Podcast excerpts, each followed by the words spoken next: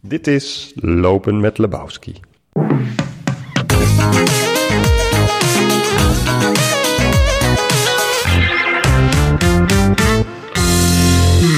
Vrienden en vriendinnen van de literatuur, auteur Samuel Vermeulen loopt met zijn redacteur Roel van Diepen door het Amsterdamse stadsdeel Gein aan de zuidelijke eindhalte van metrolijn 50. Daar groeide Samuel in de jaren 90 op toen hij met zijn ouders terugkwam uit de Bhagwan-commune in India. Hij woonde in Gein bij zijn vader en diens aan heroïne verslaafde nieuwe vriendin Tina, nadat zijn moeder in een inrichting opgenomen werd. Hier opent ook Samuels boek Prins van Liefde, een bijzonder ongewoon coming-of-age verhaal over een eeuwige zoektocht naar geluk, aandacht en liefde.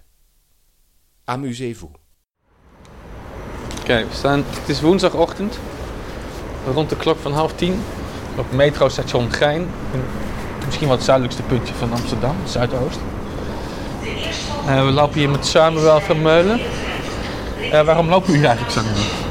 Waar, Ja. Waarom zijn we, Waarom op zijn we hier? woensdagochtend in Gein met een gevoelstemperatuur van min 1? Ja, dat vroeg ik me eigenlijk ook af vanochtend waarom we hier eh, nou helemaal heen moesten gaan. Het is wel een hele, heel eind met de metro. Inderdaad, is iets waar ik niet vaak mee kom, maar hier ben ik vroeger opgegroeid in, eh, in het Gein. Hier woonde ik met mijn moeder en mijn vader en heb ik ook bij allemaal verschillende vrienden van mijn moeder en mijn vader gewoond. En hier zat ik op school, dus dit is het buurtje waar ik van mijn derde tot mijn zesde eigenlijk ben opgegroeid en waar ook een, het begin van mijn boek over gaat. Eventjes uitchecken. Even uitchecken. Maar je bent hier niet geboren dus? Ik ben hier niet geboren, nee. Ik ben geboren in een Bachwan-commune in de buurt van Nijmegen, in het dorpje Beuningen. En daarna eh, naar India gegaan en uiteindelijk rond mijn derde, vierde hier in, in het Gein terechtgekomen. Dus je hebt tot je derde in India gewoond. In de winters in India en in de zomers in Nederland. De eerste twee jaar nog in die Bachman-commune in Beuningen. Daarna nog in Rotterdam, toen in Eindhoven en toen om het derde hier in het Gein. Eerst Maar in Rotterdam en Eindhoven dus ook in communes? Of? Nee, dat, waren, dat was, was gewoon in, eh, in, in flatjes. En hier in het Gein, de eerste half jaar heb ik, woonde ik hier met mijn moeder. Niet in een eigen huis, maar gewoon bij verschillende mensen op de bank. En uiteindelijk heeft mijn moeder hier in het Gein een huisje gekregen. Maar, eh, je ouders hadden geen eigen woning dus? Nee, eigenlijk niet. Maar ook niet in Nederland ergens toen jullie uit India terugkwamen? Nee, eh, niet. Want mijn vader woonde in de grote commune in Amsterdam, die, eh, in de Pijp. En mijn moeder had gewoon geen woning, maar die wilde dan wel in Amsterdam wonen. Dus daarom heeft hij het eerste half jaar gewoon bij allerlei verschillende vrienden van de Bacham-beweging, die grotendeels hier in Zuidoost woonden in die tijd.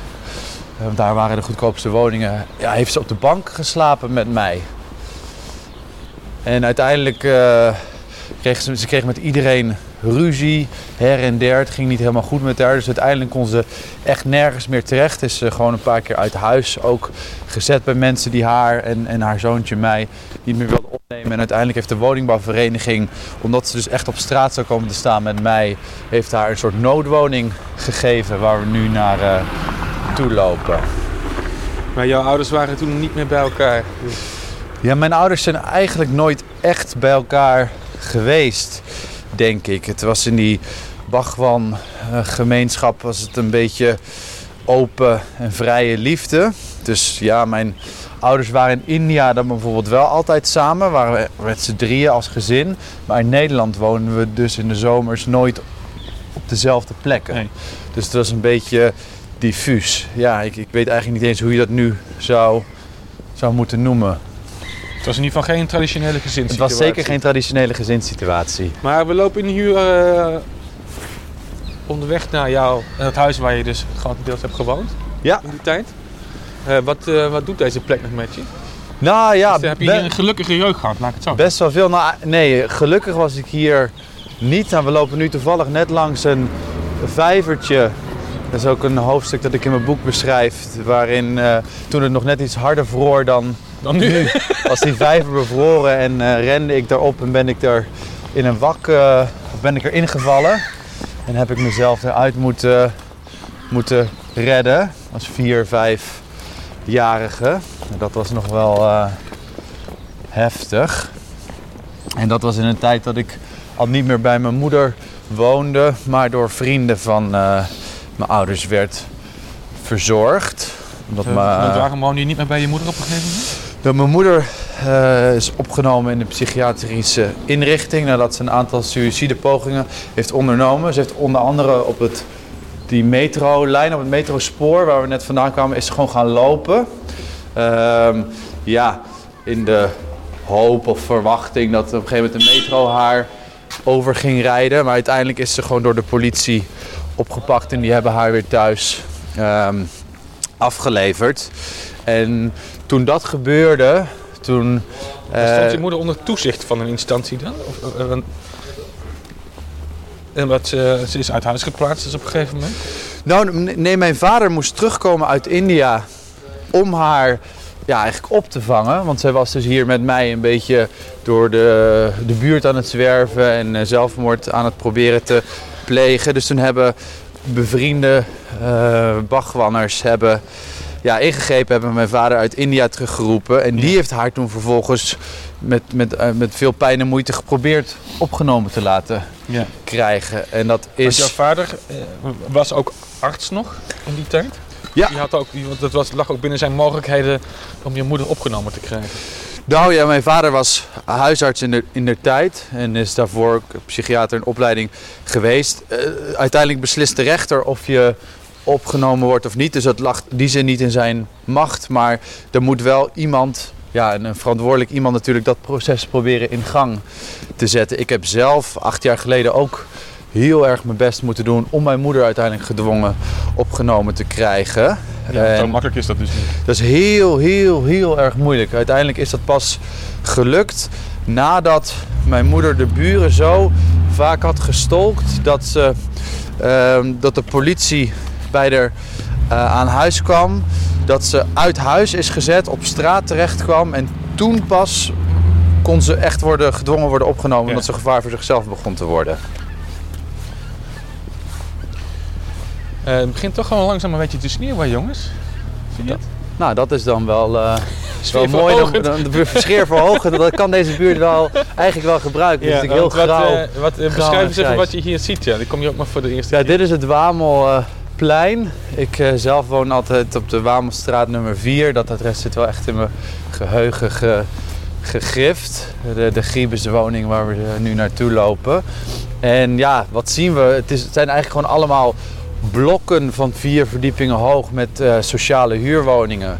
Dat kan je heel mooi zien aan die, ja, die blauwe metalen deuren en die vervallen afgerachte balkonnetjes.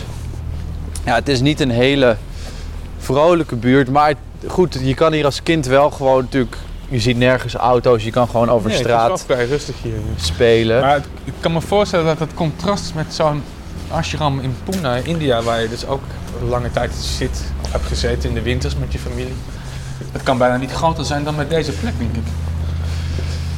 Opeens, opeens kom je uit India en woon je hier in Amsterdam Zuidoost. Ja, het was wel een groot verschil, maar wat wel fijn was, was eh, in die, die tijd dat mijn ouders definitief uit India terugkwamen, toen ook eh Bhagwan overleed. Toen zijn al, bijna alle sannyasins uit de grote commune in Amsterdam, die zijn hier komen wonen. Dus ook ouders en, en, en vriendinnetjes en vriendjes uit India, die woonden allemaal hier in het Gein.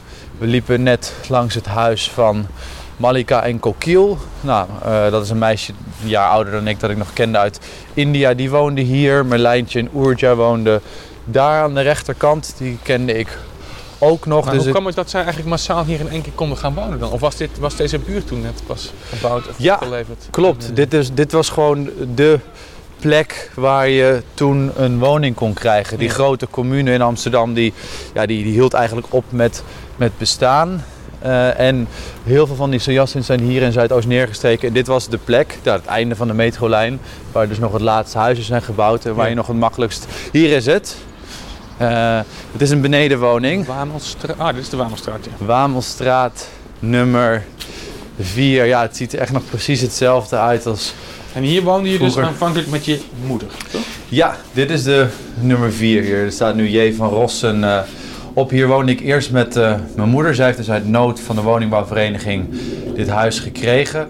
Maar toen zij die eh, zelfmoordpogingen begon te doen, is mijn vader dus teruggekomen uit India noodgedwongen. Heeft hij haar uiteindelijk ge- gedwongen opgenomen weten te krijgen. Eigenlijk ook pas nadat ze haar polsen doorsneed.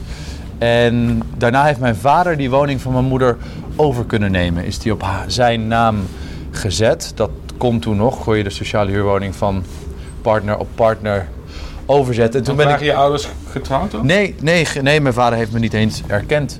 Dus eh, ik ben eigenlijk helemaal niets in relatie tot mijn vader, formeel juridisch gezien. Ja. En hier dit trappenhuis bijvoorbeeld. eh, wij wonen dus hier op de benedenverdieping. En je ziet daar nog het bordje staan. Niets in de gang plaatsen voor ieders veiligheid.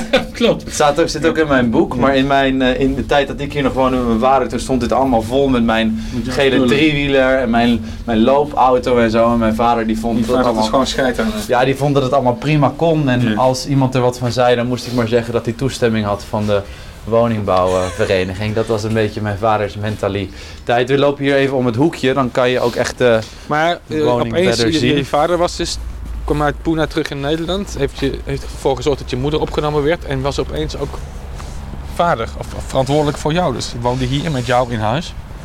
Ja, dat was helemaal niet zijn, zijn keuze. Want nou, zoals ik net zei, hij had me niet erkend. Hij heeft me ook nooit opgevoed of willen opvoeden. Maar ja, toen werd hij ineens eh, ja, voor een voldongen feit geplaatst. Doordat mijn moeder niet meer voor mij kon zorgen.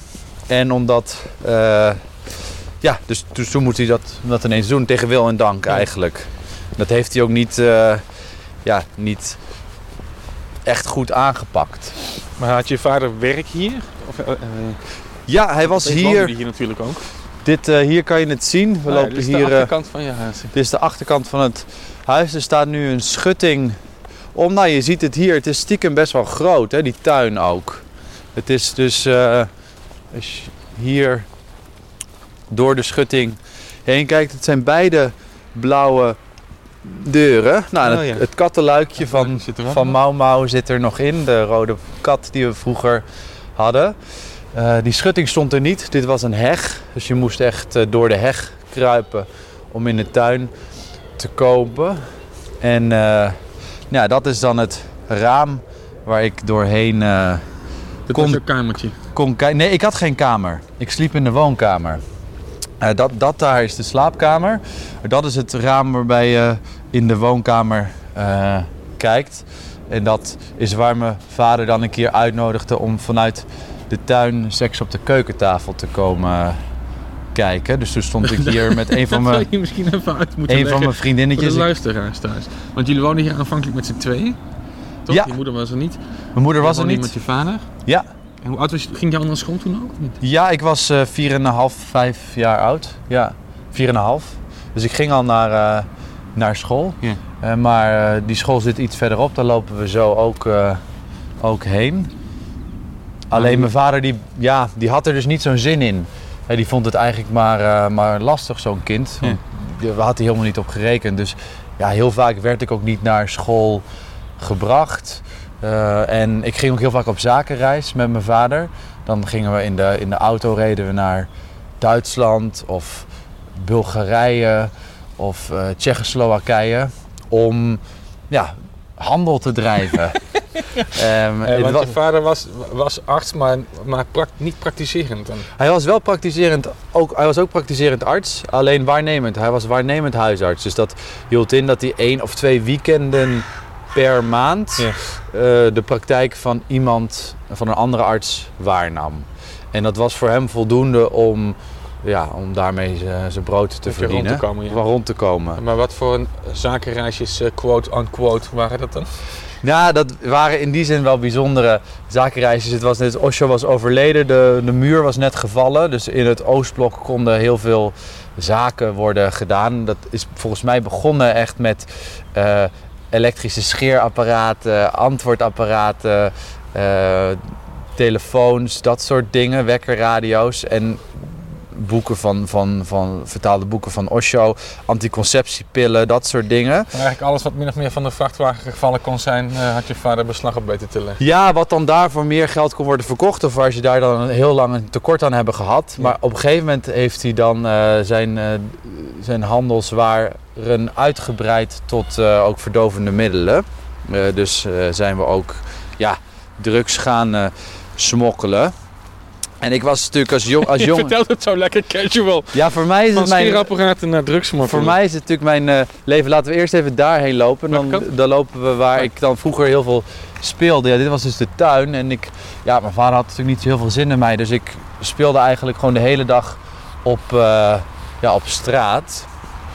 En dan daar begint de Gaasperplas al. Dus het is in die zin wel een hele kindvriendelijke wijk, zoals je ziet. Ja. En dit, ja, dit viaduct, dat was echt een beetje waar ik dan altijd eh, speelde. Dan rende ik op die schuine, schuine wanden die je daar... Maar in zekere zin werd je dus ook behoorlijk vrijgelaten hier, denk ik. Eh, omdat je vader niet zoveel interesse in je toonde. Eigenlijk ook niet echt een, misschien een goede oudere vader was. Ja, volledig woonden hier vrij. heel veel kinderen die je dus ook kende uit de buurt. En misschien ook van school. En mensen die je nog uit Pune, India kenden. Ja. Dat klinkt toch eigenlijk toch als best gezellig. eh, Ja, buurt. Tot, op zekere hoogte was het ook wel, eh, was het ook wel gezellig. En met die, met die kinderen, ja, was het natuurlijk, wel leuk om wat mensen te, wat kinderen te, te kennen uit de buurt. En dat werd dan ook een beetje verdeeld tussen, tussen onze ouders. Dan eh, soms eh, speelden we dan met z'n drieën, zorgde dan mijn vader voor ons alle drie. Of soms zorgde een van die moeders van die meisjes eh, van, voor ons alle drie. Zodat ja, de ouders gewoon ook wat meer tijd voor, zich, eh, voor zichzelf hadden. Alleen, nou ja, het was voor mij in ieder geval niet, uiteindelijk niet heel prettig. Omdat ik nou ja, wel redelijk aan mijn lot werd overgelaten. Ehm, en uiteindelijk zijn die drugssmokkelreisjes van mijn vader en, en mij, waar ik dus nou ja, als vijfjarig jongetje als, eigenlijk als dekmantel meeging naar eh, Oost-Europa steeds, die zijn eh, veranderd in een toch ja, openlijk drugsgebruik, heroïneverslaving van mijn vader eh, in huis. Dus ja, toen werd ik helemaal natuurlijk aan mijn lot over, overgelaten. Ja, je hebt wel eens eerder tegen me gezegd dat het op een gegeven moment eigenlijk als een soort crackhuis aanvoelde. Ja, ja, ja, het, eh, dat, dat, dat was, is, werd het op een gegeven moment zeker. Ja, dat kwam voornamelijk de meest, denk ik, bizarre... Nou, hier, hier zie je dus om je heen waar je heel mooi kan... Dit is de Gaasperplas dus hier. Daar is de Gaasperplas, ja. Eh, dus je hebt hier wel alle ruimte. Nou, het meest bizarre wat mijn vader eigenlijk heeft gedaan is... Toen hij dus zich realiseerde dat hij nou, voor mij moest zorgen... en dat eigenlijk heel lastig kon combineren met zijn eigen leven... en daar niet zo heel veel zin in had... en mijn moeder in een psychiatrische inrichting zat... dacht hij, nou, weet je wat, laat ik een nieuwe vriendin eh, erbij nemen.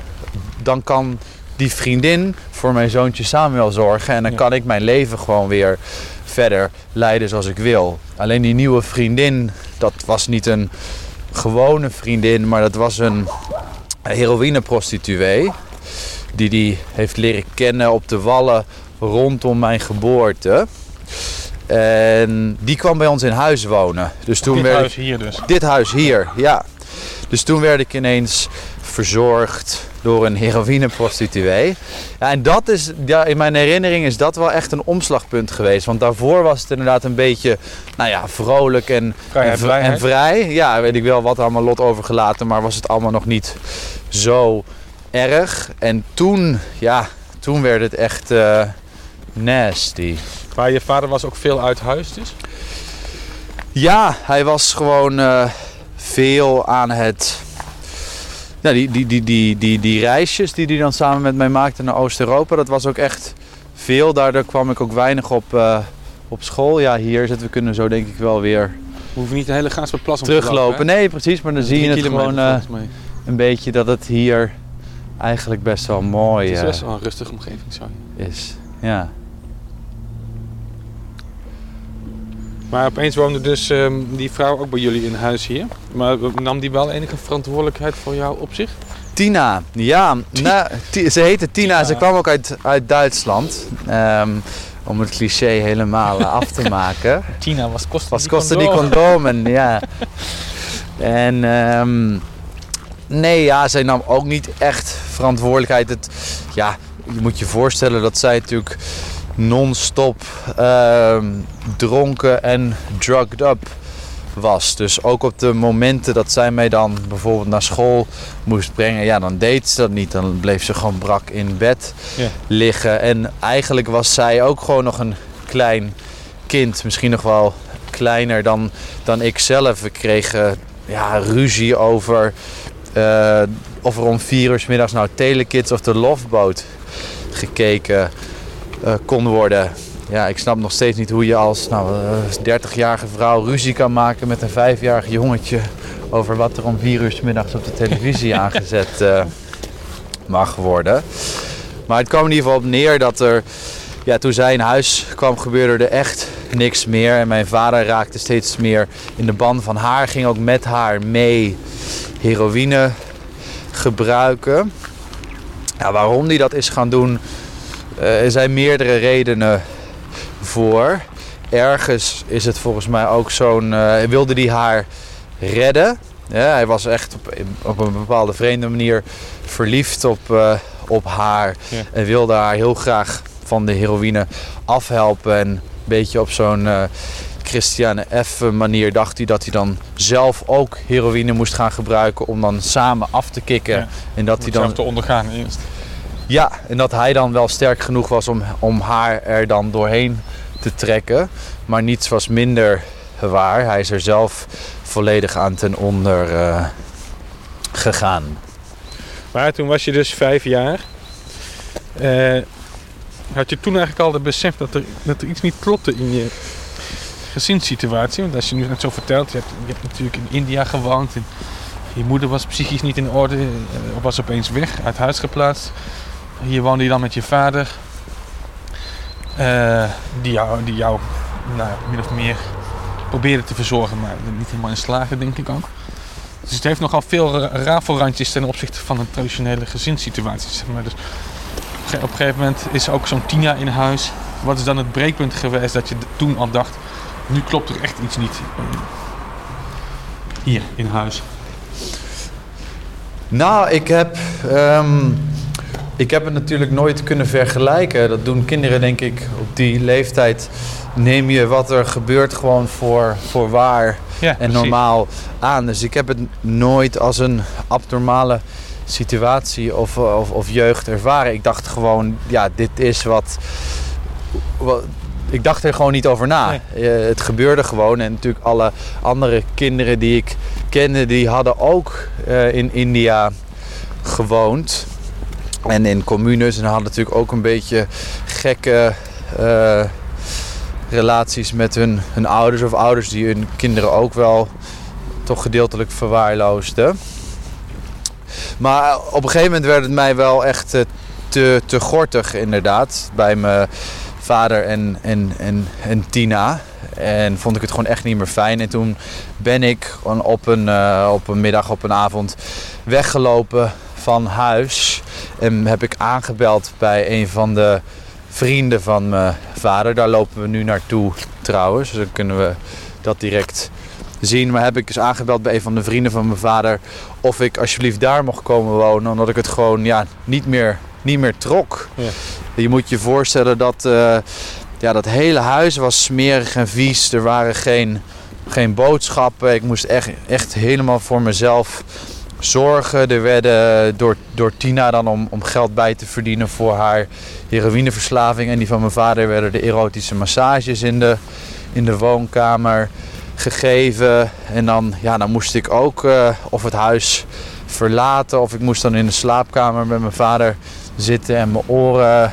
Of echt geen geluid mocht ik dan maken, zodat de klanten niet door hadden dat er in de kamer naast de erotische massage nog, eh, nog mensen aanwezig waren. Dus ja, er was wel een moment dat ik dacht, dat dit trek ik niet. Maar niet, maar niet in een soort vergelijking van, oh ergens, ja, ergens anders zal het wel beter zijn of zo. Maar ik wilde gewoon echt weg. En ja, die, die man Satranga, op, ook, ook een Sanyasin, net als alle vrienden van mijn vader en moeder in die tijd. Ja, op, op een of andere manier voelde ik me dan denk ik wel prettig of zo bij hem. Dat ik naar hem toe ging om, om, uh, om aan te bellen of ik daar mocht komen wonen. En dat vond hij goed. Hij, hij, wist dan ook van de problemen die je vader had met, met een Tina of met de thuissituatie of met heroïne in ieder geval. Ja, dat, ik denk dat dat wel langzaam zichtbaar werd. Volgens mij heeft mijn vader dat aanvankelijk wel een beetje geprobeerd te verbergen. Maar ja, een, ja, een is een crackhoer. Ja, die, ziet er ook, die ziet er ook zo uit. Dus het, dat, dat, gaat, dat, dat valt op een gegeven moment wel. Ja, en je vader zal er ook niet beter uit zijn gaan zien gedurende die periode, denk ik toch? Nee, dat, uh, dat klopt. En uh, nou, uiteindelijk heb ik dan bij die man uh, even een week of twee in kunnen wonen. Alleen, ja, hij had natuurlijk ook nooit voornemens. Hij is natuurlijk ook nooit nee. voornemens geweest om een kind op te voeden, laat staan een kind van een ander. Dus hij had daar ook niet zo heel veel zin in. Maar gelukkig diende er zich toen een mooie oplossing voor, voor mijn vader. Want. Uh, ja, je moeder was in de tussentijd helemaal buiten beeld, dus hè, die zat gewoon in een gesloten inrichting ergens. Ja, die zat in een grote contact met mij. Grote beek. Nou, die zat in een grote beek in, uh, in Eindhoven. Dat is een grote uh, psychiatrische inrichting. En daar ging ik wel af en toe op bezoek. Ja. Samen met mijn vader. Dus ik, uh, ik zag haar af en toe wel. Maar ja, mijn moeder heeft ook een jaar lang volgens mij niet gesproken. En zo, dat soort dingen. Dus dat contact was wel heel beperkt. Ja. Maar wat voor situatie deed hij toen voor? Want je woonde bij die man in Satranga? Ja, nou en uh, Kokiel, een vriendinnetje van mij en Malika, haar moeder, die waren toen net uit Amsterdam Zuidoostweg verhuisd naar een commune in Hengelo. Maar die vonden het daar niet fijn, die wilden weer terug naar Amsterdam. Dus die zochten een woning, maar die hadden ze hier niet. En Satranga, waar ik dan bij woonde, hier, dit is zijn huis die uh, wilde naar India, naar Pune terug. En die wilde zijn huis onderverhuren. Ja. Dus toen zijn die moeder en dat meisje zijn in zijn huis getrokken. Satranga is naar India gegaan. En mijn vader die heeft de helft van de huur betaald. Uh, in, in ruil voordat die moeder van dat meisje voor mij ging zorgen. Dus uh, zij heeft toen een drie, vier maanden voor mij gezorgd. En toen woonde ik woonde ik hier, nummer, uh, ja, nummer 5. Dit is inderdaad om de hoek van waar je, waar je vaak Dit is 200, 300 meter lopen. Ja. ja. Oh, nummer 9 is het volgens mij trouwens, sorry. Hier, uh, ja, hier kan je natuurlijk als kind wel bij. Bij de bel. bij de bel, ja, die is wel op ooghoogte. Ja. Dus je vader heeft jou eigenlijk gewoon uitgeleend destijds? Ja, het is, ja, het is ergens het is een hele bijzondere constructie eh, natuurlijk. Ik kan er enerzijds wel om lachen. Het zijn ook van die constructies die ik nu wel uh, toepas of zo. Het is er, tot op zekere hoogte is het uh, buiten de box denken natuurlijk. Alleen in dit geval wel ja, met je eigen, eigen... Het is een hele creatieve oplossing. Maar in dit geval natuurlijk wel een hele creatieve oplossing met hele bizarre consequenties. Namelijk dat je je eigen kind inderdaad uitbesteedt aan een ander. Nou ja, aan de andere kant, je vader was geen domme man, denk ik ook. Dus uh, hij wist dat hij met een heroïneverslaving zat te kampen en, en, en met een heroïnehoer thuis woonde. Dus ook echt niet in staat was, denk ik, om een kind goed op te voeden. Dus misschien is dat wel een hele goede beslissing van hem geweest om jou ergens anders te plaatsen. Toch? Ja, ik denk dat het, ik denk dat het een goede nou ja, beslissing is. Dit is een goede uitwerking gehad. Die drie maanden dat ik dus bij, uh, die vrouw en haar dochtertje in woonde. Toen ging het wel beter met me. Toen werd ik elke dag gewoon naar school gebracht. Ja, had je uh, gewoon ritme eigenlijk. Had ik gewoon ritme, ja. werd ik naar, naar, bed, naar bed gestuurd. Ja, bij mijn vader waren echt geen regels. ik, ik kon gewoon opblijven tot, tot wanneer ik maar wilde. Uh, er werd, als ik s'nachts wakker werd en ik zei ik heb honger, dan ging die friet voor me bakken of zo. Ja. Midden in de nacht uh, met de auto naar de benzinepomp om ijsjes te halen. Dus een hele ja, extreme, vrijzinnige opvoeding, maar die, ja, dat is toch niet wat een kind van 4, 5 nodig heeft. Mm, Nee, zou ik ook niet zeggen, nee. Maar toen heb je hier dus drie maanden gewoond bij die vrouw en haar eh, dochter. En dat was Kokiel dan, denk ik. Ja. En, die zat ook eh, bij jou in de klas, neem ik aan. ja, zij zat, zij is één jaar ouder, zij zat op een andere school, maar we lopen nu naar mijn school toe, want die is ook heel dichtbij. Je ziet hem eigenlijk al in de verte. ja, het is allemaal vrij dicht bij liggen. in de buurt. ja. Eh die zat op de Montessori school ernaast. Dus wij liepen dan 's ochtends samen naar school toe. Zij bracht mij dan eigenlijk. Eh, en ik zat op de normale openbare basisschool en zij dan op het Montessori schooltje. En dat ging, ja, dat ging goed totdat die Satranga van wie het huis echt was, Ja. terugkwam uit, uit Pune. En zijn, eh, Die was daar ook gewoon gaan overwinteren. ja, dat is een beetje wat, je, wat men deed in die tijd. Eh, eigenlijk wat ik zelf nu ook, ook doe. Dat je in, ja, in de winters is het zo koud in Nederland dat het dan eigenlijk fijner verblijven in, eh, in India is. Maar hij kwam dus terug. Hij kwam terug en toen wilde hij zijn huis, ja, begrijpelijkerwijs weer terug hebben. Dus toen moest eh, ja, Malika Kokiel en, en ik er weer uit. En zij konden met z'n tweeën bij een eh, bij de partner, het vriendje, de, vriend destijds van die moeder, konden zij intrekken in Nieuw-West. Ja. Alleen die vriend die wilde liever niet dat ik daar ook bij, eh, bij inkwam. Ja. Dus toen ja, werd ik noodgedwongen eigenlijk weer eh, terug eh, geplaatst bij mijn vader vader. en Tina. En, En die wonen toen ook nog steeds hier op dezezelfde plek. ja, die wonen toen nog steeds op die Wamelstraat nummer, nummer 4. En die werden, ja, dus toen werd ik daar teruggeplaatst en Dus weer terug bij af. terug bij af eigenlijk. Ja, en toen was het nog eh, erger, want toen had mijn vader natuurlijk echt drie maanden lang ongestoord ja, heroïne kunnen Ja, die verslaving kunnen gebruiken. Ja. En eh, ik denk dat dat nog een paar maanden heeft geduurd. En toen zijn we uiteindelijk bij weer een eh drugssmokkelreisje, dit keer naar Zweden. Een Maar week. je vader nam, nam jou gewoon mee dan, ongeacht of je naar school moest of niet, of het schoolvakanties waren. Hij had gewoon een reisje of een klusje gepland. Ja, hij zette jou gewoon achter in je auto en eh, Ja, hij zette mij naast me in de auto op de bestuurdersstoel en, dan, en, en, en gaan. ja. Eh, ja, want hij, ja, wat, wat moest hij anders met mij? Anders moest hij natuurlijk ook twee weken, drie weken oppas voor mij, voor mij vinden. En het was ook wel een mooie dekmantel natuurlijk om een jongen... Wie gaat er nou een vader met een zoontje van vijf in een auto verdenken van een Ja. eh, drugsmokkelreis? Dat, eh, dus dat ging ook altijd goed. Het ging alleen niet goed. Dus eh, net een week na mijn zesde verjaardag, toen we met Tina erbij een, zo'n reisje ondernamen. En we naar Zweden. En we daar bij de douane, door de douane zijn opgepakt. Want ja, met, met Tina, bij Tina zag er schijnbaar zo verkrekt uit. Dat iedereen op die boot naar Zweden toe eh, zoiets heeft gehad van nou, wat, wat doen deze twee junks hier? Ja. En toen is de douane gewaarschuwd en toen kwam er een hond de auto in en die vond in de, de kofferbak eh, in een e- extra ingelaste gastank of zo 25 kilo cannabis en 400 gram eh, amfetamine.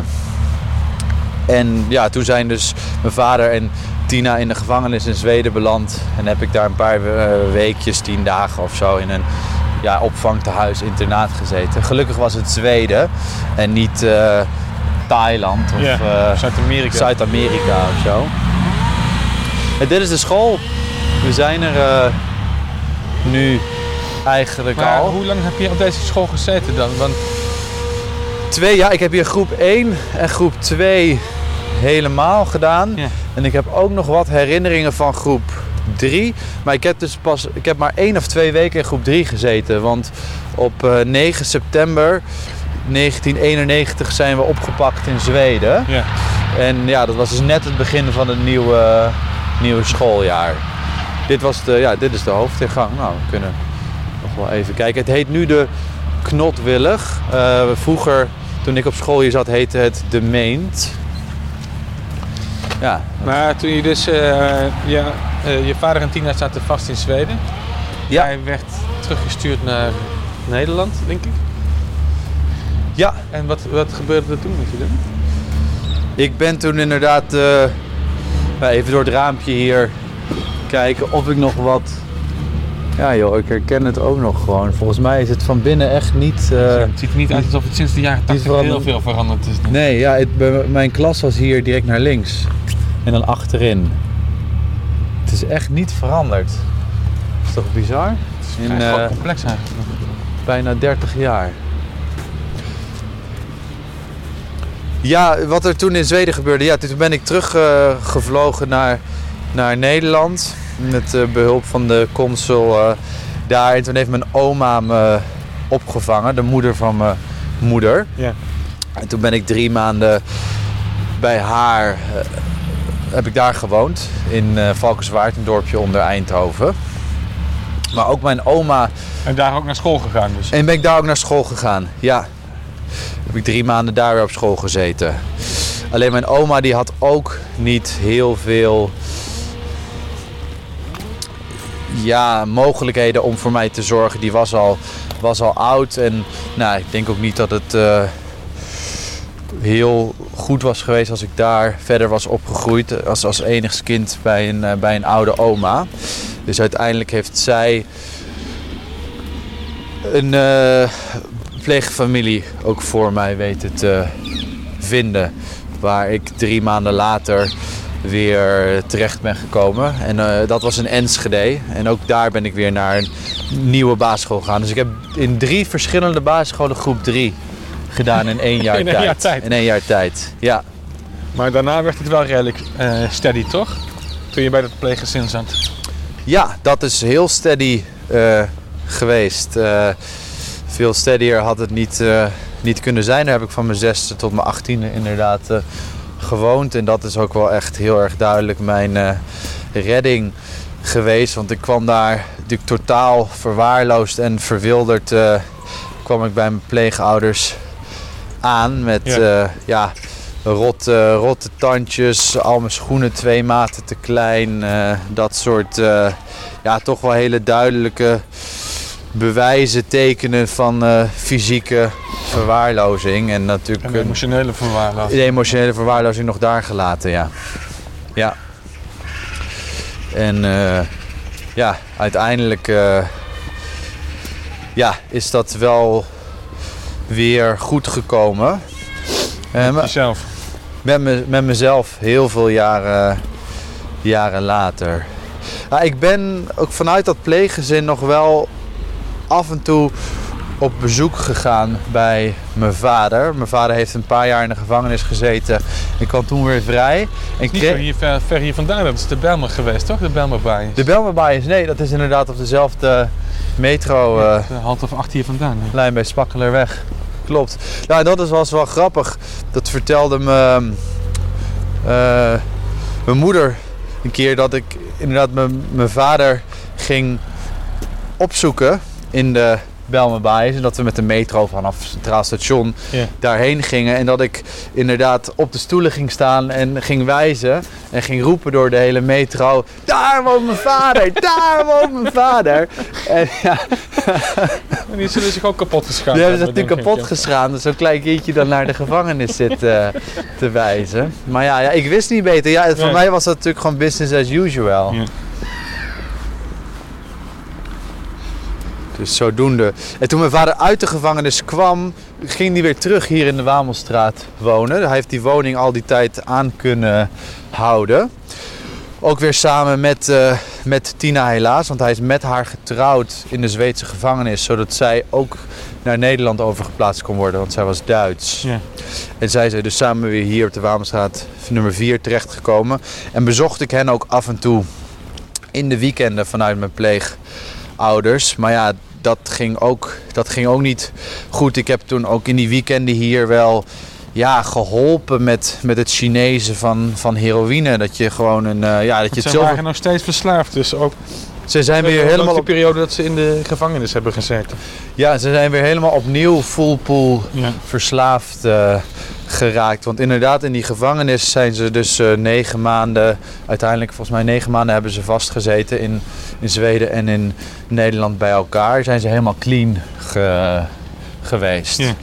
Maar ja, tot mijn grote spijt zijn ze inderdaad snel weer verslaafd. Maar dat wisten mijn, kijk, dat wisten mijn pleegouders natuurlijk ook niet. Dat, Die hadden geen contact met, met hen. die, die, eh, toen ze mijn vader spraken, was hij niet verslaafd. Ja. En dat, dat, toen kwam hij weer in het Gein wonen.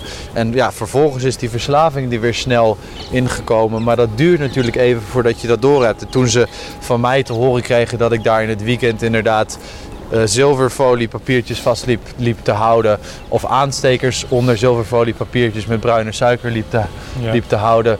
Waar ze dan uit, eh, uit zaten te roken. Ja, toen, toen Toen ging er wel een belletje ring. ging er wel een belletje rinkelen van misschien is het beter als we niet, eh, eh, als die niet meer naar zijn vader in Amsterdam Zuidoost gaat. Ja. En dat vond mijn vader eigenlijk ook prima. Dus toen ben ik ook niet meer, eh, die heeft daar zich niet tegen verzet of iets dergelijks. Toen heb je eigenlijk jarenlang geen contact meer met hem gehad. Ja, toen heb ik jarenlang geen contact meer met hem eh, gehad. En ook, niet, ja, ook niet meer met, met Amsterdam. Ik ben hier gewoon eh 10, 15 jaar of zo niet meer, niet meer geweest. Voor mij had deze stad, en zeker dit Gein en Zuidoost, gewoon een hele wrange Associatie associatie. Ja. Maar goed, nu woon je wel weer hier zelf natuurlijk. ja, nu woon ik al eh, weer een jaar of acht in Amsterdam en ik vind het hier fantastisch. En ik wil hier ook nooit, eh, nooit meer weg. Zeker in de zomers vind ik het hier heel fijn eh toeven. Ik woon gelukkig niet in het Gein. Dat is... Nee.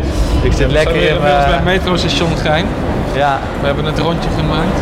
We proberen nu weer richting de stad te gaan. Om Een beetje op te warmen. ja. Koud is wel. We hebben de sneeuw eh, net, eh, zijn we net voor geweest. Kunnen we weer terug naar onze bubbel, onze mooie bubbel binnen de ring van, eh Nou, ik van vind er reuze Amsterdam. mee hier eigenlijk. Het is best wel een rustige buurt Het, het ziet er ook niet zo vervallen uit. Nee, het is niet, het is niet ja, zo echt zo vervallen als de Bijlmer. Ja, klopt. Het is gewoon wel grauw en grijs. Maar Maar dat je is, komt hier niet graag meer. ik heb hier niet echt meer iets te, Je te hebt natuurlijk niets te doen, nee, maar goed. Ik kan me voorstellen dat als je hier komt, dat je bepaalde herinneringen hebt aan je jeugd waar, waar je niet aan herinnerd wilt worden. Dat je dat niet op gaat zoeken, zeg maar. Maar je hebt hier ook geen familie meer wonen of vrienden van vroeger natuurlijk. Of Nee, ik heb hier, van je ouders uit, die, uit het Bagwan milieu. Ik heb hier helemaal eh, niks. Nou, ik ben hier een jaar geleden nog geweest voor een interview met die, eh, met die Malika. Die woont op het Wamelplein waar we net langs eh Oh, die woont hier nog steeds? Die woont hier nog steeds eh, om eh, wat, wat vragen te stellen over, over vroeger. Ja. Hoe dat allemaal is, ehm, is gegaan. Maar verder heb ik hier niet heel veel eh, te zoeken. En eh, dat wil ik eigenlijk ook wel zo houden. Dat is een perfecte afsluiting.